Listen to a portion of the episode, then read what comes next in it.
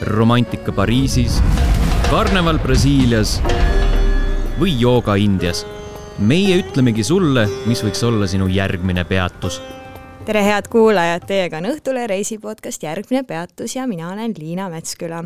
tänase saate külaline Daisy Kuuse viib meid oma reisidega Suurbritanniasse, peamiselt tuleb juttu Londonist ja Walesi pealnes Cardiffist. tere, Daisy! tere, Liina! Ma tean, et sinu armastus Suurbritannia vastu sai alguse juba ports aastaid tagasi. kuidas see juhtus? jaa, aasta oli siis kaks tuhat viis ja see oli see kummaline, kuidas ma, ma sinna Suurbritanniasse sattusin, et ma käisin kõigepealt äh, ülikooli lõpus vabatahtlike töölaagris äh, Hollandis.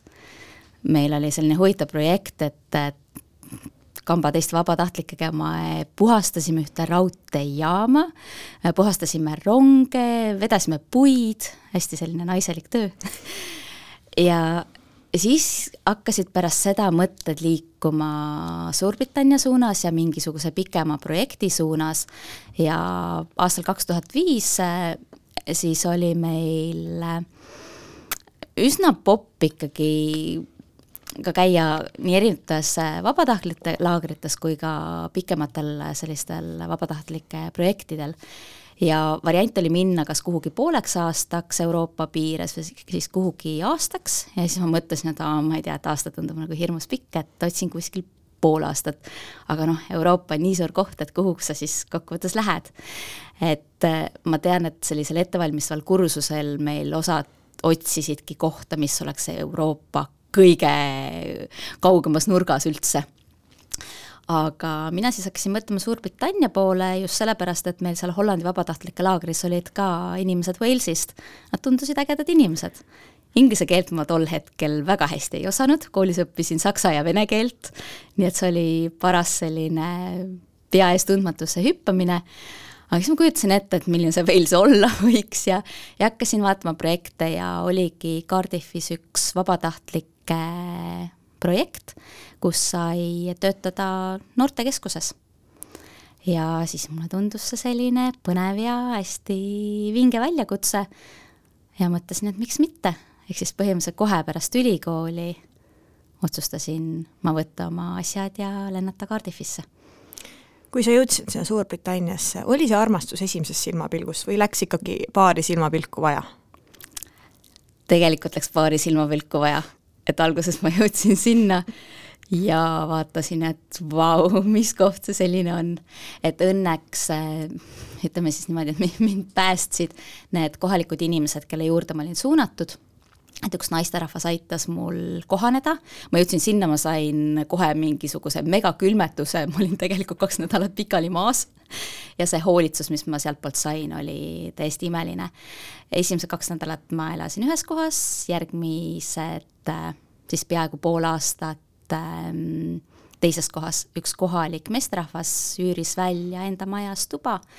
Ja ma arvan, et see kogemus oleks hoopis teistsugune olnud kui tema poleks mind seal vastu võtnud, sest enamasti vabatahtlikud elasid koos mingisuguses üürimajas äh, omavahel, aga mina olin siis mingil põhjusel paigutatud hoopis teise kohta, et see vabatahtlik kogemus kindlasti, selle õnnestumine see armastus, mis sul tekib töö vastu, selle kohaliku eluolu vastu, see kindlasti sõltub sellest, milliste inimestega sa oled äh, seal seotud. et sa võid seal tunda ennast täitsa üksikuna, sa võid äh, tunda suurepäraselt. et ma tahaks öelda, et võib-olla natukene läks aega ja mida parema, parem see keelel, mida parem keeleline oskus tuli, seda kergemaks läks ja seda rohkem see armastus kasvas sa ütlesid, et haigena said väga sellise erilise hoolitsuse osaliseks. Ehm, ma võin siis öelda, et sealsed inimesed on väga hoolivad ja külalislahked või see oli lihtsalt üks juhus kuidas sinu kogemus on? ei olnud juhus, sa ei kujuta ette, et äh, ma alles hiljuti käisin ähm, uuesti Cardiffis ühel kontserdil, Coldplay kontserdil. Ja ma nägin pealt sellist täiesti fantastilist äh, juhtumit, ma tulin õhtul bussiga. Ja tegu oli viimase bussiga, mis sinna piirkonda läks, kus ma ööbisin. me sõitsime ja äkki täiesti suvalises kohas jäi bussijuht seisma, sest ta nägi teisel pool teed bussipeatuses inimesi. ja ta hüüdis neile, et kas te teate, et sealt enam buss ei sõida, et tulge minu bussi peale. ja siis selguski, et äh, need inimesed ootasid valel pool teed bussi. aga kui bussijuht oleks peatunud, siis need inimesed oleks jäänudki sinna ekslema. tuli välja, et nad olid turistid, nad olid samamoodi tulnud kontserdilt, nad ei teadnud, kuhu minna, et see tähelepanelikkus ja see hool, see on täiesti fantastiline.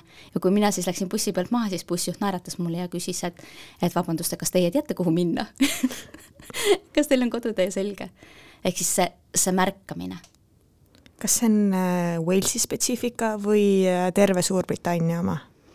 tead, ma ütleks, et äh, kuna Londonis on elutempo hoopis teine kui ähm, Cardiffis, tahaks öelda, et kogu Walesis, siis Londonis ma pigem ütleks, et seda on vähem ja Londonis on hästi palju turiste, inimesed kogu aeg kiirustavad kuhugi, kes tahab Big Beni vaadata, kes tormab tööle, et see on, see on midagi muud.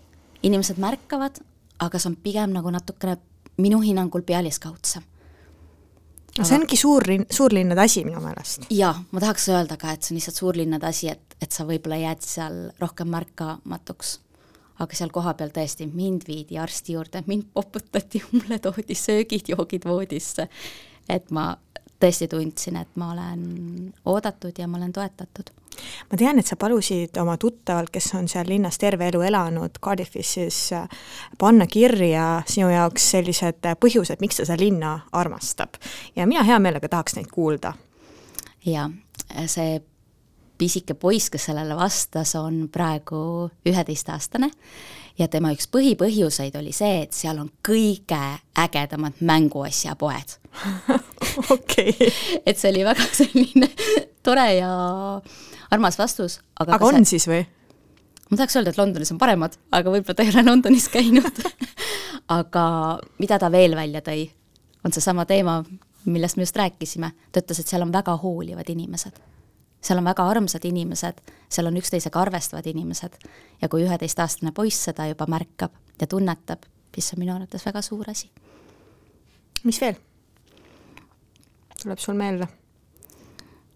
pean tunnistama, et mul see nimekiri on seal natukene eemal, aga ta rääkis, et talle meeldib väga koolis käia, tal on seal parimad sõbrad, parimad huviringid, nad armastavad väga vaata Walesi jalgpalli, ragbit, jah, seda mängivad äh, palju.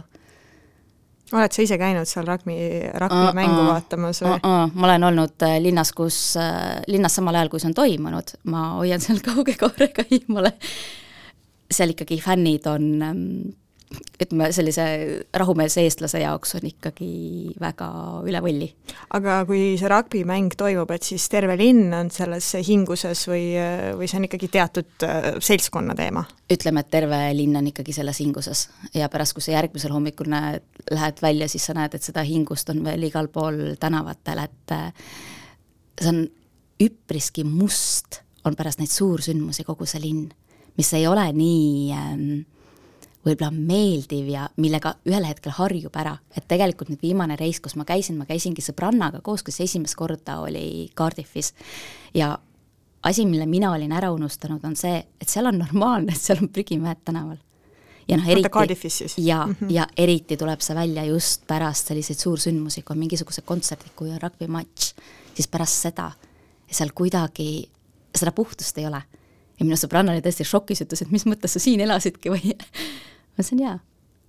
miks see nii on, et äh, kas kohalike jaoks on see suva, las olla, ta on siinsamas äh, tänavanurga all või äh, või kohalikud ka kiruvad, et noh, ma ei saa aru, miks see linnavalitsus ei tegele selle jamaga või kuidas, kuidas sulle tundub? kohalikud kusjuures ei kiru, aga seal on juba see prügimajandus on seatud hoopis teistmoodi kui meil näiteks siin Tallinnas. et seal on teatud päevad, kus sa korjad oma prügi kokku paned prügikotti ja tõstad endal aiast välja värava taha tänava peale. ja noh, teinekord juhtub see, et prügiauto tegelikult sõitis veidi varem, tegi oma ringi ära ja tuleb kolme päeva pärast uuesti. ega keegi sisse siis enam prügi ei tõsta, on ju? ei, see on korra juba välja tõstetud ju ja, ja siis ongi siis, need on kolm päeva, siis käivad linnud, nokivad selle lahti ja ja nad on ilmselt harjunud sellega, et see prügi on kultuuri osa kuidagi ja ja ja ma ütlen, et kui ma läksin sinna tagasi ja mu sõbranna seda mainis, et appi, kui räpane sinna on, siis ma mõtlesin, et aa, on jah. on jah, ma tegin ise samamoodi ja et see oligi minu jaoks, ma sain aru, et ma olin tol hetkel sellega nii harjunud ja sinna naastes, see oli ka minu jaoks nagu osa Cardiffist. Londonis näeb ka seda, aga kui sa Londonis reisid, siis noh, pigem see olenebki väga ka sellest linnaosast, et kus sa oled. et seal keskel võib-olla seda ei ole nii palju, seal on rohkem turiste, aga siis seal ilmselt äärelinnad on ka ikkagi pigem sellised läpasemad. no ma enne seda saadet guugeldasin Cardiffit mm -hmm. ja, ja üks eks-, esimesi asju, mis välja tuli, on see, et see on linn, kus on kõige rohkem losse maailmas jaa. Väga huvitav, kui palju neid losse on, oskad sa üldse öelda või, või kas nad ongi niimoodi iga, iga viie meetri tagant äh, näed mõnda lossi või mis, mis see tähendab? kummaline, sest kui ma tulin, siis ma ka natuke guugeldasin, mõtlesin, et ma nüüd teen ennast ka ikkagi triksi-traksi selle podcast'i jaoks. kui ma ei eksi, siis see arv äkki oli kas kahesaja ringis, kui palju on Cardiffis? ühes linnas on kakssada lossi? no siis minu no, arust oli kahesaja ringis. no põhimõtteliselt siis ongi iga viie meetri tagant, no nii-öelda jutumärkides. ütleme ausalt, see oli natukene üllatus, sest ma hakkasin mõtlema, et palju ma losse siis Cardiffis näinud olen, et Cardiff äh, on tegelikult rajatud siis omal ajal lossi ümber oli Cardiff Castle, mis on selline suur, seal on keskmes, ja siis selle ümber hakkas siis tegelikult alles linn moodustuma. ja see on see põhiline, mida kõik käivad vaatamas ja mida kõik käivad katsumas ja kus sa saad ilusaid äh, turistipilte teha aga need teised lossid, ma ei tea, ma ei nimetaks neid nii väga lossideks, need on pigem sellised väikesed tagasihoidlikud äh, kuskil parkides, aga seal iseenesest see arhitektuuriline osa on olemas, see on ilus, ma omal ajal armusin nendesse majadesse, mis järjest jooksevad, et on üks pikk tänav ja seal ongi põhimõtteliselt nagu üks maja. justkui nagu hiiglaslik ridaelamu ja siis tavaliselt sellel majal on siis nagu veel kaks korrust, kõrged trepid sees, mis on kaetud vaibaga. muidugi nad ju käivad seal vaiba peal siis veel jalanõudega. mis on ka selline huvitav, et me ikkagi eestlastena, nüüd kui me taas käisime, siis me ikkagi kiskusime need jalanõud ära. sest noh, see ei, see ei ole meil kombeks. ja siis kõik vaatasid teid imelikult, eks ju? jaa, jaa kõik vaatasid imelikult. ja teine asi, mille puhul meid ikkagi väga imelikult vaadati, oli see, et ma hoiatasin, ma sel korral käisin sõbrannaga ja ma hoiatasin sõbrannat, et kui sa kuskil teed ostad, et siis sa pead hästi kiiresti reageerima ja ütlema, et sa ei taha piima peale. sest nad panevad piima kohe peale. Nad panevad nii kohe, et sa pead reageerima täiesti sekunditega ja muidugi ta püüdis, aga ta ei olnud piisavalt kiire et, et ta lõpuks ja sai ka oma piimata tee ja siis ähm, minu sõbranna, kes siis seal kohapeal elab, kellega ma vabatahtliku teenistuse raames tegelikult koos töötasin, ma olin tema mentor siis äh, me ööbisime tema juures ja siis ta ütles, et ta kohe tahab vaadata, kuidas mu sõbranna suudab selle musta tee ilma piimata ära juua. et tema arvates oli see võimatu, ta küsis, et mis teil viga on? No mis teil siis viga oli? Eestlased oleme no sa ütlesid, et sõbranna lõpuks sai äh, mitme katse peale selle tee ilma piimata. põhimõtteliselt. on niimoodi, et kui sa lähed Walesi võib-olla ka Londonisse, et äh, ei ole nii, et ah, võtan mm, kahve äh, latte, et ikkagi tee peab olema või teil lihtsalt on mingi teearmastus? Endal. sõbranna lihtsalt tahtis teed, aga no neil on täpselt samamoodi see pärastlõunane tee ikkagi nagu Londonis. ma ei näe seda võib-olla niivõrd palju nooremate inimeste hulgas, aga kui ma Cardiffis elasin ja mõnikord me külastasime ka vanemaid inimesi, kellegi tuttavaid, kellegi sugulasi, siis oli hästi tüüpiline, et mingi kellaaeg kukub ja kõik hakkavad teed keetma, kõik toovad oma väikesed küpsised välja või äh, Cardiffis ja Walesis üldse on need Welsh cake'id, mis on sellised keeksilaadsed ähm, võised küpsetised, kuhu pannakse siis kas rosinaid või kuivatatud puuvilju, mida saab ainult Walesist.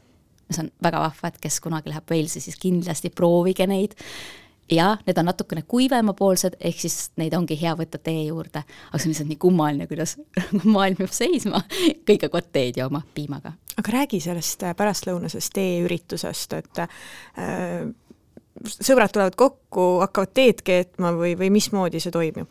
Ei, see on lihtsalt niimoodi, et sul on tavapärane päev, sa teed oma toimetusi, ükskõik, kas sa käid siis tööl, ei käi tööl, aga nagu ma ütlesin, siis on pigem vanematel inimestel jäänud selline traditsiooniline. ja see ongi, et äh, oluline ei ole, kas sul on külalised või mitte, oluline ei ole, kas sul tulevad äh, ka sõbrad. sa oled kodus, kell kukub, sa paned tee. mis kell see on siis nagu stiilis kell kaks on teeaeg või see sõltub sellest, et millal ma näiteks äh, lõunasöögi ära söön ja pärast seda on see? ei, see oli täpne kellaaeg, ma kahjuks jään sulle vastuse praegu võlgu, millal see oli, aga see on nagu täpselt kellaaeg. Afternoon tea naljakas uh. -huh. Kui palju on üldse tunda Walesis olles seda feeling ut, et äh, see on Wales, see ei ole lihtsalt Suurbritannia, sellist oma identiteeti? Kuidas ma nüüd ütlen, võib-olla natukene me võime vaadata, kuidas hiidlased ja saarlased omavahel nokivad et ega need waleslased väga ei äh, armasta inglasi ja tundub, et ka see on vastastikune. et äh, nad on tegelikult väga uhked oma identiteedi üle, selle üle, et nad on ikkagi waleslased. Nad on uhked oma keele üle, sest neil on ju täiesti eraldiseisev keel, aga selle keelega on samamoodi, et ega noored seda üldiselt ei räägi, äh, tihtipeale ka ei mõista, vanemad inimesed oskavad seda kõneleda. ja, ja noh, neil on ka oma täiesti fantastiline lipp, kus on pealt draakon et äh, minu jaoks alati Walesiga seostub see draakoniga lipp, sest ma mäletan, kui ma elasin seal, siis ma mõtlesin ka, et okei okay,, meil lähevad inimesed äh,, lapsed lähevad kooli, õpivad lippu joonistama, värvivad sinise tulba ära sinise joone, val-, musta ja siis ongi, valge on juba olemas, kui sa valgele paberile teed seda. ja siis lähevad Walesi lapsed kooli, kas nad päriselt hakkavad seda draakonit joonistama või ja siis ma küsisin sedasama asja nüüd oma sõbrannalt, kes seal elab, ja siis tema ütles, et ei, tead, Daisy, ma ei oska seda lippu joonistada. tead, mis mina oleks pakkunud, et et kui on vaja kuskil töövihikus lippu joonistada, et joonista siia lipp, siis on need kontuurid juba alles äh,, olemas ja siis, oota, punane oli see draakon, jah? ja siis lihtsalt värvid selle punaseks mm. -hmm. äkki on niimoodi, see oleks mm -hmm. minu pakkumine olnud. aga sul võib ka šabloon kaasas olla? Käid kogu aeg šabloon taskus, et äkki kuskil on vaja on vaja lippu joonistada okei okay,, väga, oled sa üldse kursis, et miks äh, on draakon Walesi lipul? et see on tõesti päris huvitav, et äh, tead, see on ka lugu, mida võib natukene guugeldada, aga ma arvan, et isegi kohalikud ei tea seda, millest see täpselt tulnud on. ma täna kiirelt uurisin selle kohta, aga seal oli mingisugune, see on seotud mingisuguste ettekuulutuste asjadega, et tegelikult on olemas ka valge draakon, kes peaks ühel hetkel võitma punase draakoni, aga noh, ega ka kohalikud tänapäeva noored või tänapäeval elavad inimesed ei tea ilmselt seda enam. et lihtsalt, lihtsalt nii ta on, aga nagu nad ise ütlevad, et see on draakonite maa. ja mulle meeldib see draakoni armastus et viimane kord, kui ma nüüd käisin, siis ma ütlesin sõbrannale, et vii mind draakonipoodi ja ma tahan igasuguseid draakoneid osta. ja siis ma ostsin endale koti, kus on peal draakon ja, ja veel igasugust nänni. draakonipood, mis asi on draakonipood? no põhimõtteliselt tavaline suveniiripood, kus praktiliselt müüakse ainult draakoneid. noh, mõni muu asi ka, aga lihtsalt nad on ise nagu väga uhked selle üle no ei ole väga palju riike, kus sa saaksid uhkustada draakoni lipuga. ühesõnaga draakoni kujulised pudeliavajad äh,, sigaretikarbid äh,, põlled mm, -hmm. mida, mida sealt leiad, mida põnevat sa sealt leidsid? Mm, mina ostsin endale ühe ilusa kruusi, tegelikult ma tean, et see ei ole üldse nii põnev, kui, kui oleks mingi pudeliavaja kasuta väga pudeliavajaid. ma ka ei kasuta, see oli lihtsalt üks suvaline asi, mis mul pähe tuli, kui ma mõtlesin suveniiripoe peale. aga siis ma mõtlen, seal oli veel rätikuid müügil, lusikaid, millel on draakonikujulised ähm, varred siis, ja siis seal oli draakoneid, pehmetest draakonitest äh, kuni selliste tugevamast materjalist draakoniteni, puidust draakonid, metallist draakonid, äh, klaasist draakonid, äh, keraamilised draakonid, pisikesed draakonid ja suured draakonid ja ülisuured draakonid ehk siis, kui sa armastad draakoneid, siis, siis mine Walesi ma tulen korra tagasi selle Walesi keele juurde, millest sa ise rääkisid ja sa tõid välja, et äh, noored väga ei oska seda keelt mm -hmm. ja vanemad räägivad seda, no tunduks nagu hääbuv keel olevat mm. -hmm ongi. ja ma kardan, et tegelikult ongi, et neil isegi ähm, suunaviidad on kahes keeles, nii inglise kui walesi keeles, et nad on väga uhked oma keele üle, aga jah, kahjuks. Ja see on üpris keeruline keel, olgem ausad. et äh, Walesi keeles on ka üks kohanimi, ma ei oska seda hääldada, isegi kui mul on see ees, ma ei oska seda kokku lugeda ja ma ei mäleta peast, kui palju seal tähti oli, aga tuleb välja, et äh, see on maailmas teisel kohal oma pikkuse poolest. ehk siis see on üli-üli-ülipikk sõna, mis oli umbes niimoodi, et Püha Maarja kirik kuskil mingisugusel nurgal ja mingisuguse teise kiriku kõrval nurga taga. umbes selline, aga see on lihtsalt Walesi keeles on see üks sõna. ja siis ongi hiigel, hiigelpikk kohanimi. see Walesi keel kõlab ka hästi kummaliselt, et ma olen kuulnud seda inimesi rääkimas. aga mulle meeldib, et see on äh, osa nendest. jaa, no äh, Wales äh, ei ole võib-olla ma ütleks nii populaarne turistide hulgas, kui on, eks ju, Inglismaa osa mm. -hmm. kellele sa soovitaksid Walesi reisida? Nendele, kelle jaoks äh, esiteks kindlasti nendele, kelle, kes tahaksid midagi muud Suurbritannias kogeda. Ja kindlasti nendele, kelle jaoks äh, Londonis on juba palju käidud või kelle jaoks ka London on liiga kiire. sest äh, minu jaoks oli ikkagi Cardiffisse kolides ma tundsin hästi palju seoseid või sellist ähm, tunnet, nagu ma oleksin Tallinnas. seal rahvaarv tol hetkel oli umbes sama, ma praegu vaatasin, et äh, Tallinnas on umbes sada tuhat inimest rohkem kui Cardiffis elanikke. ta on oma pindalalt umbes sama, ehk siis kui sa tahad nagu sellist natukene rahulikumat elu ja samas üks osa Walesist on muidugi Cardiff, mis on pealinn ja mis on omade võludega, aga Wales on ju oluliselt suurem. Walesis on imelised, täiesti totaalselt imelised rannad, pikad rannikuääred, kus sa võid lihtsalt tundide, tundide, tundide viisi, sa võid terve päeva seal jalutada. seal on imelised mäed ja päris tore vaatamisväärsus on ka lambad. et tuleb välja, et seal on lambaid rohkem kui inimesi väga huvitav. ja see on nagu päris põnev fakt ja, ja sa tõesti näed seal, kui sa lähed sinna kuhugi maakohtadesse, siis sa näed seda hästi-hästi palju. ja see rannikuäär on tõesti kena ja mõnikord juba omaette vaatamisväärsus on see sõit sinna ranniku äärde, sest need teed on nii kitsad. ma mäletan ise omast kogemusest ühte seika, kus me siis majanaabriga läksimegi ranniku äärde, ta tahtis sellist ähm, matka mulle pakkuda ja läksime ja see oli nii-nii tohutult kitsas tee ja ma mõtlesin, et aga mis siis saab, kui keegi vastu tuleb. et ma saan aru, et on ka teisi riike, kus on väga kitsad mägiteed ja kus on väga ekstreemne sõita. aga ma lihtsalt ei osanud oodata, et see võiks Walesis juhtuda. ja siis tuligi olukord, kus tuli lambakari meile teele, lihtsalt hunnikus lambaid ja siis tuli lisaks sinna meil vastu ka auto.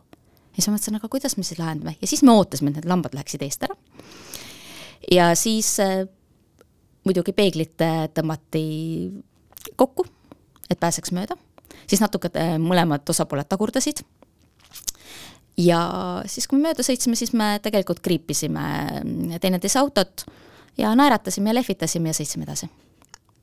keegi ei hüpanud välja, et mis asja, mul on siin uus Mersu? ei, kõigil oli täiesti suva sellest, et inimesed võtavad elu palju rahulikumalt autod on siis kõik kriibitud või? no vaata, ma ei tea, võib-olla on neid, kes oma autosid hoiavad, aga ilmselt nad ei lähe sinna lambateele ka, eks et eh, ja ega see teine auto ka just eriti uhke välja ei näinud, ega eriti uus. Aga jah, need olid kriibitud ja mitte kedagi ei huvitanud. kõigi jaoks oli see nagu täiesti okei okay tarbevahend. see, mida sa kirjeldad, see pigem meenutaks mulle sellist mõnda lõunamaad, Hispaaniat mm, -hmm. Itaaliat, aga hoopis, et Walesis on nii chill elu ja selline mõnus suhtumine, et see on natukene üllatav mu jaoks. jaa, see oli minu jaoks ka üllatav, et äh, Walesis olles ma inimesena muutusin tohutult et ma olin tol hetkel ülikooli lõpetanud, ma olin noor, minu isiksus oli alles välja kujunemas ja ma olen hästi tänulik selle võimaluse eest, et ma sain sinna minna. Ja ma alati ütlen, et Suurbritannia on minu teine kodu. sellepärast, et äh, see vormis mind tõesti palju ja see väga avardas mu silmaringi, et, et saab ka teisiti. Ei äh,, saab ka niimoodi, et keegi kriibib su auto ära ja sa ei lähe talle kallale. Ja keegi ei pahanda isegi sa räägid äh, Cardiffist äh, tõesti väga soojade sõnadega, aga ometi pärast seda oma vabatahtliku töö lõppu sa plaanisid hoopis Londonisse kolida mm. -hmm. miks sa siis sinna Cardiffisse ei tahtnud jääda, et mis sinna Londonisse hoopis? suurlinna tuled et äh, ühel hetkel mulle tundus, et Cardiff on ikkagi liiga igav. mõtled, et oled seal juba mõnda aega olnud, võiks midagi nagu veel suurema väljakutse võtta ja ma tõepoolest, ma otsisin vaikselt Londonis tööd, ma olin ostnud lennukipileti Tallinnasse selleks, et võtta siit veel asju ja siis minna Londonisse elama. aga tegelikkuses juhtus nii, et ma tulin Tallinnasse, siis ma läksin uuesti Cardiffisse tagasi, võtsin Cardiffist oma asjad ja tulin ikkagi Tallinnasse koju tagasi. et ma ei tahaks öelda, et ma lõin põnnama, aga mu pere oli siin mu vanemad, mu vend, äh, mu sõbrad olid siin, kellest ma väga hoolisin. ja ma tundsin, et see, see ei ole õige aeg, et minna päris totaalselt üksi suurlinna elama. et Cardiffis mul oli tugigrupp olemas mind ees ootamas ja see oli kuidagi kindlam. ja ma ja mõtlesin, et see, see ei ole ikkagi päris see. kui lihtne on üldse Londonis end sisse seada, ma eeldan, sa tegid mingisugust eeltööd ja näiteks tööd leida seal? Mulle tundub, et tegelikult äh, kõik oleneb sellest, millised su ootused on. et äh, kui me siin Tallinnas oleme harjunud, et äh, otsid töö, kui sa oled noor inimene, siis tõenäoliselt üürid korteri, siis seal sa otsid töö ja üürid toa.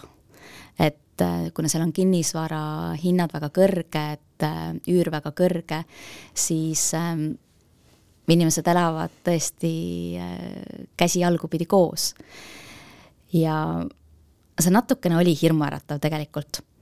Äh, kui sa, sul ei ole nagu väga sellist, äh, ma tol hetkel, äh, ma olin õppinud majandust ja ma väga ei kujutanud ette üldse ennast sellel alal töötamas ja veel vähem Londonis töötamas, ehk siis minu jaoks oleks variant olnud ikkagi kuhugi kohvikusse tööle minna ja, ja see ei olnud päris see kuna noorsootöö alal mul oli ka kogemus kuus kuud ainult vabatahtliku teenistuse raames, siis ka see ei olnud koht, kuhu nagu minna. ehk siis ma jäingi natukene kuidagi ula peale ja mõtlema ja sealt tekkisid need kahtlused ja see tunne, et, et see ei ole õige koht. aga mul on taas selline hästi tore lugu meenutuseks, et ma olen Londonis hiljem ka väga palju käinud ja ka mingi aeg, mingil eri, eluperioodil kuu aega õppinud. Ja tol hetkel ma otsisin ka siis kuuks ajaks, mul oli vaja majutust. ja noh, kuu aega on päris pikk aeg, et kuskil hotellis elada. Ja siis ma proovisin erinevate tuttavate juures, kelle juures sain olla nädal ja kelle juures kolm päeva ja ja siis oli üks hästi vahva Eesti tüdruk, kes pakkus ka siis enda juures öömaja ja ta oli mul tuttava, tuttava, tuttav, ehk siis inimene, kellest ma ei olnud kunagi mitte midagi kuulnud, aga ta ütles, et jaa, et tema juures saab ööbida, ei ole üldse mitte mingit probleemi, et ta tihti eestlasi majutab enda juures. ja siis ma läksin tema juurde, nägin seda inimest esimest korda, ta viis mind siis enda koju. Ja siis ma seisin seal toas ja noh, vaatasin, et kus ma siis oma selle imeväike tuba, eks, et kus ma siis oma koti saan panna ja, ja kus ma siis saan magada ja siis ta küsis, et kummal voodipoolel sa magada tahad aa, et enda voodisse tahtsid? just. nii, kummal voodipoolel sa tahtsid magada? paremal poolel aga minu jaoks see oli, ja mul ei olnud sellega üldse nagu mingit probleemi, aga see oli minu jaoks tol hetkel nii ootamatu, et mina tõenäoliselt ei pakuks äh, kellelegi täiesti võhivõõrale inimesele enda juures ööbimisvõimalust, kui ma peaksin temaga voodit jagama. ja see oli lihtsalt väga kummaline ja ta on väga armas inimene ja ma olen nii tänulik, et ta mulle selle kogemuse pakkus ja ma sain temaga tuttavaks. aga jah, seal selle ööbimisega ja majutamisega ja üldse ka siis tubade üürimisega tihtipeale ollakse niimoodi, et on üks maja, kus siis selle võtadki lihtsalt toa no see pole üldse eestlaslik käitumine, kas see on britilik käitumine? see on pigem, pigem jaa, britilik käitumine, kui sa ikkagi elad seal Suurbritannias, siis äh, see britilik käitumine hakkab külge. See ja, ja võtad enda, enda voodisse rahvast magama just rääkisime sellest töö leidmisest, et noh, ma eeldan, või noh, kindlasti on see jutt enne Brexitit, eks ju mm. -hmm, praegu ei ole päris niimoodi, et lihtsalt hakkan minema mm -hmm. ja leian, leian, saan töö leida Ehm, kui me mõtleme sellele sinu ajale tagasi, et ega vist oligi niimoodi, et kui sa, kui tuleb väljaspoolt, väljaspoolt Suurbritanniat keegi, kes tahab tööd leida, siis need on pigem sellised lihtsamad tööd, et ongi ta tõesti kohvikus ähm, ja, ja noh, mis iganes taolised asjad. et, et ei ole niimoodi, et lähen oma, lehvitan oma mingi majandusalase kõrgharidusega ja saan kuhugile väga uhkesse kohta tööle. mulle pigem jäi selline tunne küll et ma ei oska rääkida teiste eest, aga jah, minu jaoks oli küll, mulle tundus, et on kindlam alustada kas kuskilt poest või kohvikust ja, ja siis sealt edasi liikuda. aga neid valikuid oli? Neid valikuid oli tegelikult, äh, sellepärast et kui sa kas või linnas ringi kõndisid, siis oli väga paljude pubide ustel on kuulutused, et otsitakse töötajaid uurisid sa, kui palju nad on äh, valmis palka maksma, et et noh, kalkuleerisid sa, et kas üldse tuleks toime? Ma kalkuleerisin ja ma sain aru, et ma saangi täpselt selle ühe toa üürida, tulen ots otsaga kokku ja, ja ilmselt see tuba ei ole ka mingis kõige uhkemas piirkonnas. et ei. see, see oli natukene selline, et mul sisetunne ütles, et see, see ei pruugi olla kõige parem otsus. ja ma mhm. usaldasin oma sisetunnet. et ei ole eriti atraktiivne ikka niimoodi ots otsaga mm -hmm. ja tõenäoliselt pikad päevad ja nii edasi, eks mm -hmm. ju. Mhm. aga ometi sa käid regulaarselt Londonis mis teed seal Londonis see on nii hea küsimus. Äh, tead, ma lihtsalt olen. kuna mu süda jäi Suurbritanniasse, siis ähm, mul on kogu Suurbritanniaga väga tugev emotsionaalne side. ma olen ise inimesena väga emotsionaalne ja kui ma olen kuskil tundnud häid tundeid, siis ma tahan sinna kohta tagasi et kui ma nüüd Cardiffis käisin ja ma sain aru, et tegelikult need inimesed, kellega ma seal koos olin, suures osas nad olid vabatahtlikud, kes läksid oma riikidesse tagasi, siis ma sain aru, et see koht ei ole ju päris seesama, mis oli varem. aga juba see, kui ma külastasin neid samu kohti, siis see täitis mind taas selle mõnusa rahuloluga ja Londoni puhul, kui ma sinna üldse kõige esimest korda läksin, siis ma olin ikkagi täiesti lummuses, vau, kui suur ja, ja kui imeline. mis mind Londonisse tagasi tõmbab, on ennekõike see mingisugune kummaline vabadus. ma arvan, et mis inimesi üldse tihti puhkusele tõmbab, on see, et neil ei ole kohustusi, et nad saavad teha, mida nad teha tahavad. Londonis minu jaoks aeg mõnes mõttes nagu peatub. sa lähed, jalutad, sa lähed, ostad kuskilt oma selle kolmnurkse võileiva ja lihtsalt lähed äh, parki või kuhugi tänavanurgale, trepile ja naudid kultuuri. minu jaoks on see asi, mis mind tõenäoliselt nagu kõige rohkem Londoni puhul köidab. et ükskõik, kuhu sa lähed sa ei tea kunagi, millisel tänavanurgal on mõni muusik, kes esineb. ja okei okay,, täna ta on võib-olla tundmatu tegija. aga paar kuud hiljem see tüüp võib olla väga kõrgel äh, muusikamaailma tipus. et äh, sa saad tasuta kultuuri, sa saad tasuta meelelahutust ja kui sa võtad aega nagu päriselt vaadelda, siis tihtipeale sa saad ka väga toredaid tutvuseid. et inimesed tulevad rääkima ja see ei ole, see ei ole sugugi ainult selline small talk, et äh, sa küsid, et noh, kuidas ilm täna meeldib või, või kas homme hakkab sadama, vaid sa saad väga tõsistel teemadel teinekord rääkida. mul oli üks hästi vahva tutvus eelmisel aastal Londonis. ma käisin üksi seal ja just mõtlesin, et huvitav, et ma ei taha kogu aeg neid selfie sid teha, et me olemegi eriline selfie kunn ka, et ma tahaksin, et keegi teeks must mingi ilusa pildi siin ja siis tuli üks ähm, prillidega tüüp, tuli välja, et ta on Hongkongist ja ta tuli minu juurde ja küsis, et vabandust, et kas te võiksite must pilti teha, et ma olen üksi ja, ja noh, ma ei taha neid selfie sid teha. siis ma mõtlesin, vaat see on minu inimene ja siis tema pildistas mind ja, ja mina pildistasin teda ja siis me hakkasime pärast rääkima. me jõudsime välja väga tõsiste teemadeni, poliitiliste konfliktideni ehm, me arutasime neid, me arutasime ka seda, mis vanuses on veel normaalne nende kultuuris ja meie kultuuris ähm, väikelast imetada ja noormees ise, tal lapsi ei olnud. aa, et ikkagi noormees oli, ma tahtsin täpsustada, kumb ta siis ikkagi oli. ja, arvan. ja avaldas arvamust imetamise teemal. jaa mm, -hmm. ma arvan, et ta oli noormees, sest ma ütlen ausalt, et okay. tegelikult ta võis ka viiskümmend olla. aga ta võis ka kolmkümmend olla, tema välimus Aha. ei reetnud äh, tema vanust, aga mulle meeldis see, et see vestlus meie vahel oli nii sügav, et ma tihti oma lähedaste inimestega ei räägi ka nii sügavatel teemadel. et London on üllatusi täis. sa saad äh, paari päeva jooksul võib-olla rohkem äh, elamusi kui siin kuude jooksul. et selge see, et kodus sul ongi, nagu ma mainisin, kodus sul on kohustused, kodus sa käid tööl, sul ei ole ehk aegagi seda, selliseid kogemusi otsida, aga ka mulle tundub, et ega siin Eestis ei ole nende tutvuste leidmine kuskil tänava peal väga aktsepteeritav või väga tavaline. no ka välismaalastega, sellepärast et see tüüp Hongkongist, noormees, mitte tüüp see mees Hongkongist äh, ju ei ole ka kohalik, et samamoodi turist ju. jaa, aga seal ka kohalikega on, on see lihtsam, et ma olen samamoodi ka kohalikega tutvunud ja rääkinud samamoodi väga põnevatel teemadel. et kohalikud tulevad äh, lihtsalt, äh, alustavad juttu ja noh, ma jällegi olen natuke üllatunud, sellepärast et äh, London suur linn, eks ju, kõik kiirustavad, et mm, -hmm. et kes ikka viitsib turistiga kuskil tänavanurga all lobiseda mm? -hmm. selles suhtes kohalikega, et brittidega, kes pigem ei ela Londonis. ahhaa, okei okay. et Londoni inimene just nimelt kiirustab ja kui ma elasin seal kuu aega, no mul see koolitus oli, siis ma avastasin, et ma tegelikult vaikselt muutusin selleks kiirustavaks Londoni inimeseks.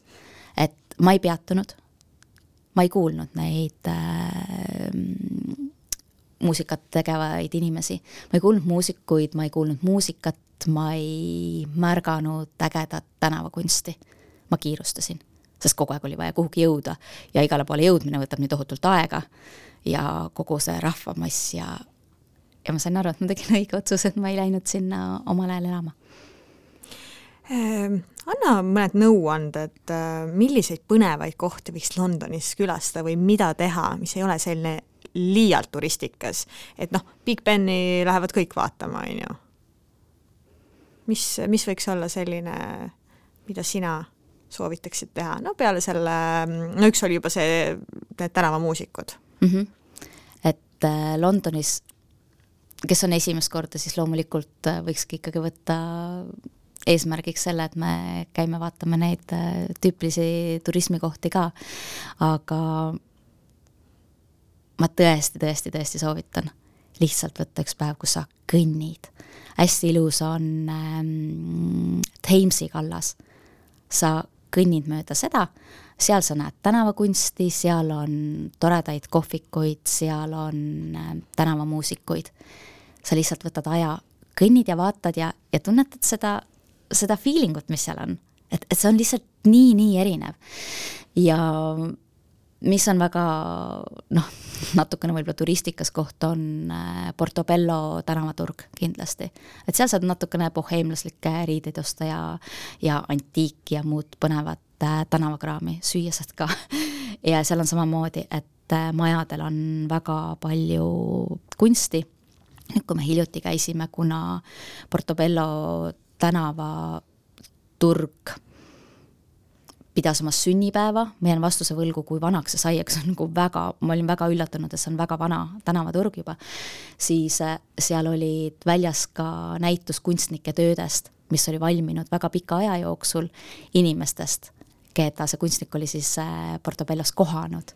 ja see oli hästi tore, et terve sein oli täis seda kunsti see on ka lihtsalt, et sa lähed kohale ja sul juhuslikult satud äh, tasuta kunstinäituse peale, et Portobello kindlasti.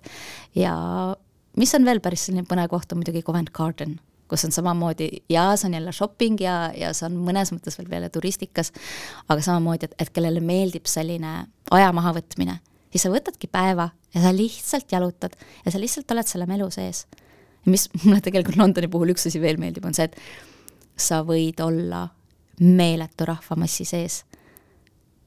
ja samas olla justkui nagu üksi ja nendega koos. see on selline nagu kummaline tunne, et äh, sul on kõik need inimesed ümberringi, aga sa justkui oled üksi ja justkui ei ole ka. kas see ei ole niimoodi iga suurlinna puhul või, või tajud sa, et Londoni puhul on nagu tsips teistmoodi? no võib-olla on nagu tsips teistmoodi, aga, aga pigem see on lihtsalt, ma arvan, seotud minu selle Suurbritannia armastusega. et ma tunnen ennast seal hästi ja nagu ma ütlesin, siis mu süda lihtsalt elab osaliselt seal.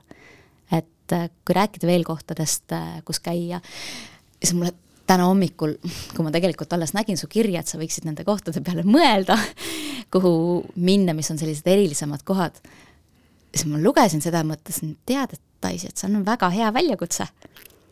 et miks mitte teha niimoodi, et järgmisel korral, kui ma Londonisse lähen, siis ma külastan kõiki kõige kummalisemaid kohti, mida Londonist võib leida. üks vahva koht, mille ma leidsin, on ähm, Jumala prügila või kuidas see eesti keeles oleks seda nagu äh, kõige parem äh, tõlkida, aga seal on siis neoonsilte hästi palju. lihtsalt ongi selline koht, justkui nagu installatsioon pandud püsti ja seal on hästi palju selliseid neoonsilte väljas. ehk siis sellised natukene kummalised kohad.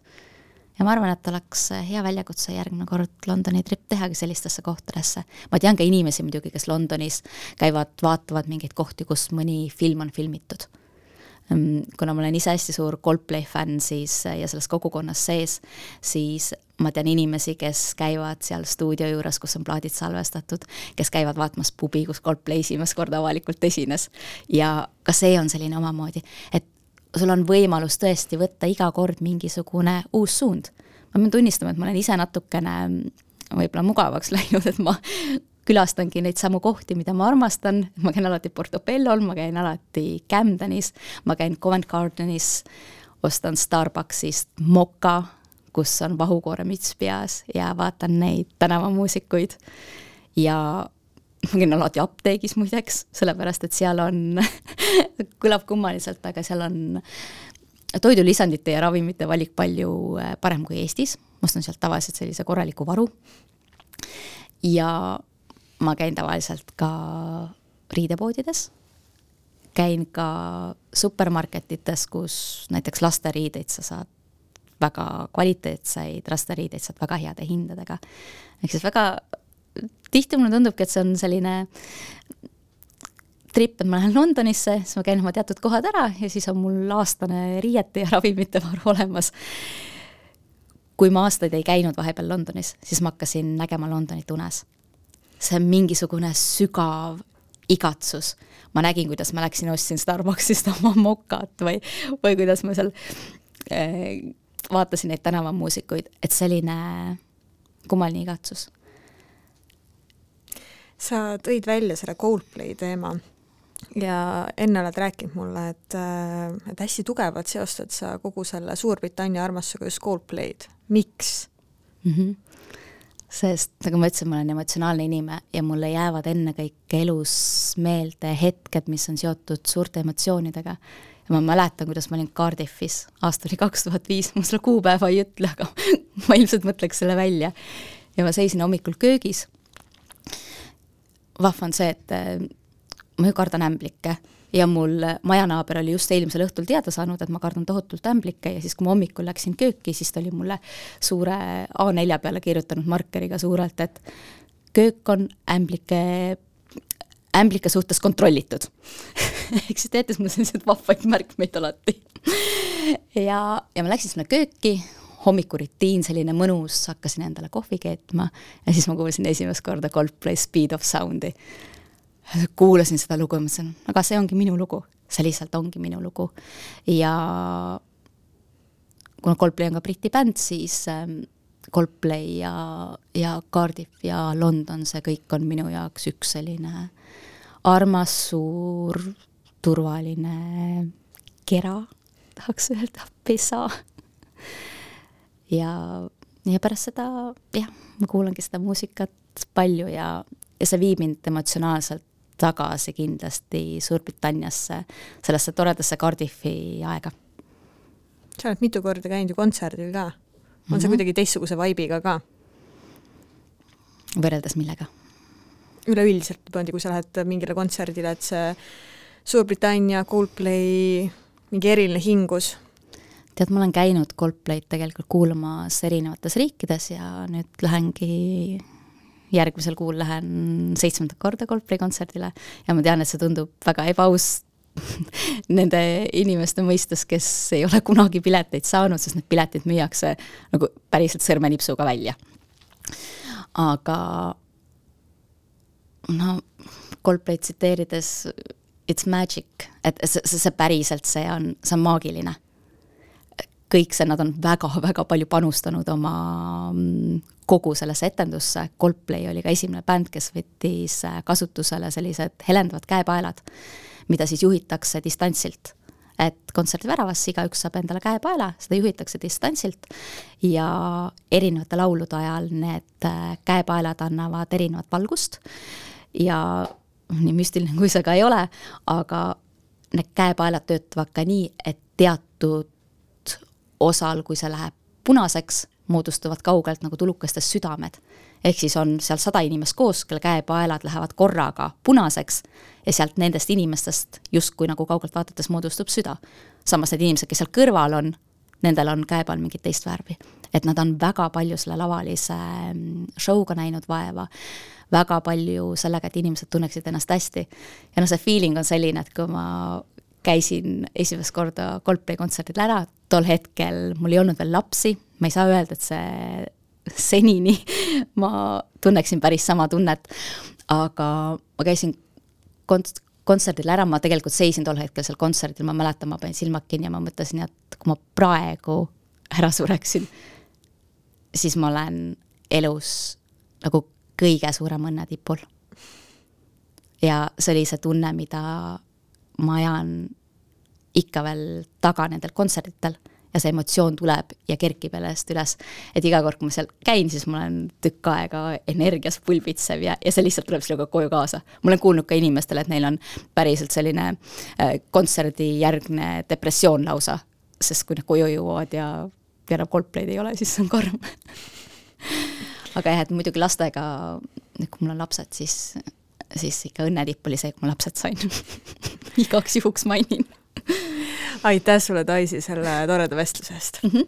aitäh sulle ja järgmine peatus on eetris juba kahe nädala pärast. kuula meid üle nädalati kolmapäeval Õhtulehest, Spotify'st, SoundCloud'ist või iTunes'ist ja ära unusta meie podcast'i tellida